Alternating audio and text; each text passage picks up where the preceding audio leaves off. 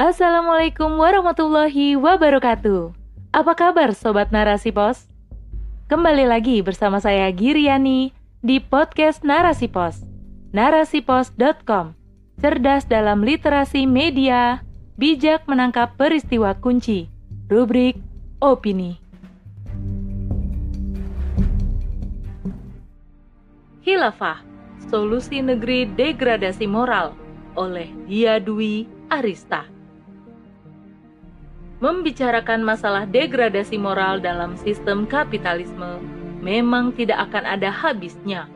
Derasnya arus modernisasi berbanding lurus dengan tingginya degradasi moral. Begitu pula yang terangkum dalam bergulirnya masa hingga tiba di penghujung 2021. Modernisasi berkembang dengan pesat. Teknologi yang semakin canggih memberikan ruang bebas bervirtual bagi siapa saja. Bahkan, transaksi pun terjalin dengan mudah. Semudah tarian jari di layar touchscreen.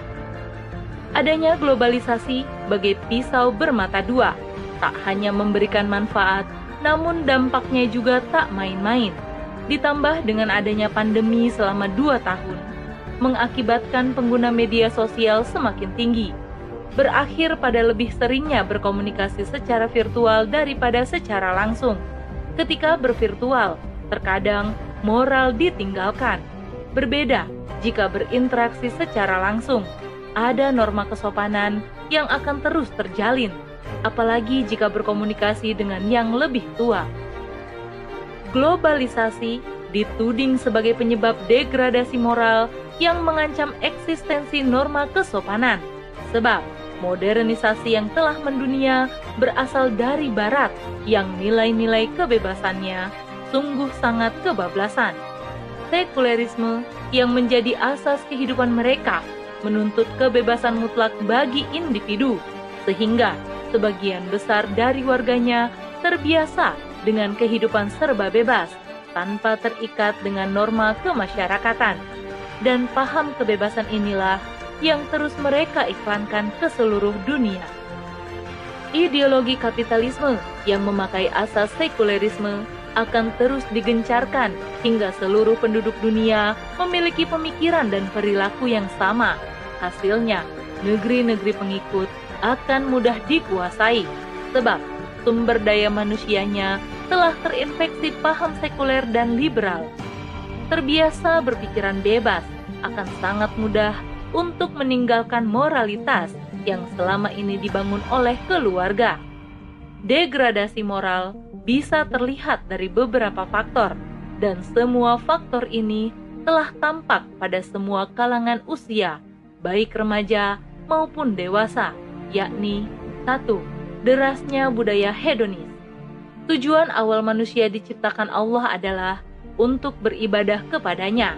Namun, ketika paham hedonis ini menjangkiti, maka tujuan hidup dapat berubah haluan menjadi kemanfaatan dunia semata. Semisal budaya mukbang, siaran makan ala Korea, video traveling, pamer barang-barang branded, dan tempat-tempat menarik yang akan meraih ribuan jempol di media sosial. 2. Semakin merebaknya aurat dipertontonkan. Syariat Islam telah mengatur cara berpakaian sebagai seorang muslim, yakni pakaian yang dapat menutup aurat. Juga beberapa ketentuan seperti tidak ketat dan sesuai gender. Namun dewasa ini, aurat wanita bagai gorengan di pinggir jalan, diobral. Rasa malu telah ditinggalkan. Bahkan Terkadang karena mengikuti fashion, seorang laki-laki pun dapat memakai aksesoris bahkan pakaian perempuan.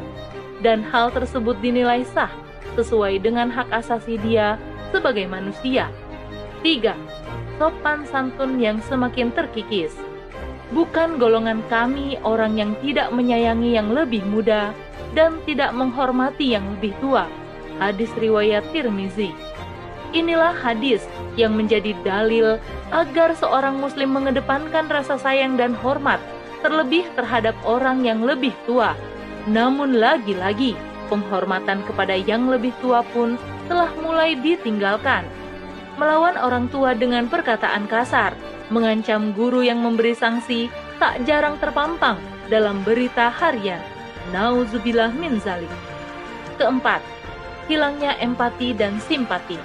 Rasa sayang dan hormat akan menumbuhkan empati dan simpati kepada sesama, dan hal ini menjadi penanda baiknya karakter seseorang. Namun kini, bencana bagaikan tempat untuk unjuk gigi, bukanlah menolong, malah gadget yang dikedepankan demi viralnya pemberitaan melalui kanalnya. Inilah akibat dari masuknya budaya asing yang tak lagi dapat dibendung oleh negara penganut kapitalisme. Berbeda dengan Islam yang akan menjaga akidah dan karakter islami individunya.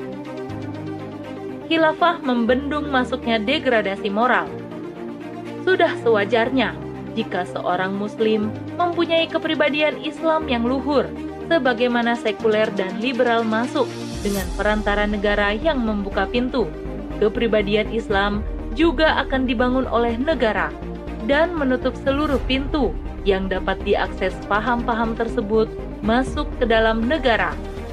Hal yang dilakukan oleh khilafah sebagai institusi yang menjalankan syariat Islam agar terhindar dari degradasi moral adalah Pertama, menyediakan kurikulum pendidikan berbasis akidah Islam. Kedua, khilafah akan dengan tegas menindak pelaku pornografi dan porno aksi, serta menutup akses terhadap keduanya. Ketiga, keluarga menjadi fondasi awal terbentuknya kepribadian individu. Keempat, dijalankannya amar ma'ruf nahi mungkar di tengah-tengah masyarakat. Keempat langkah inilah yang nantinya akan dilaksanakan oleh khilafah dalam rangka mencegah terjadinya degradasi moral serta penutupan akses bagi negara lain untuk memasukkan paham selain Islam. Wallahu a'lam bishawab.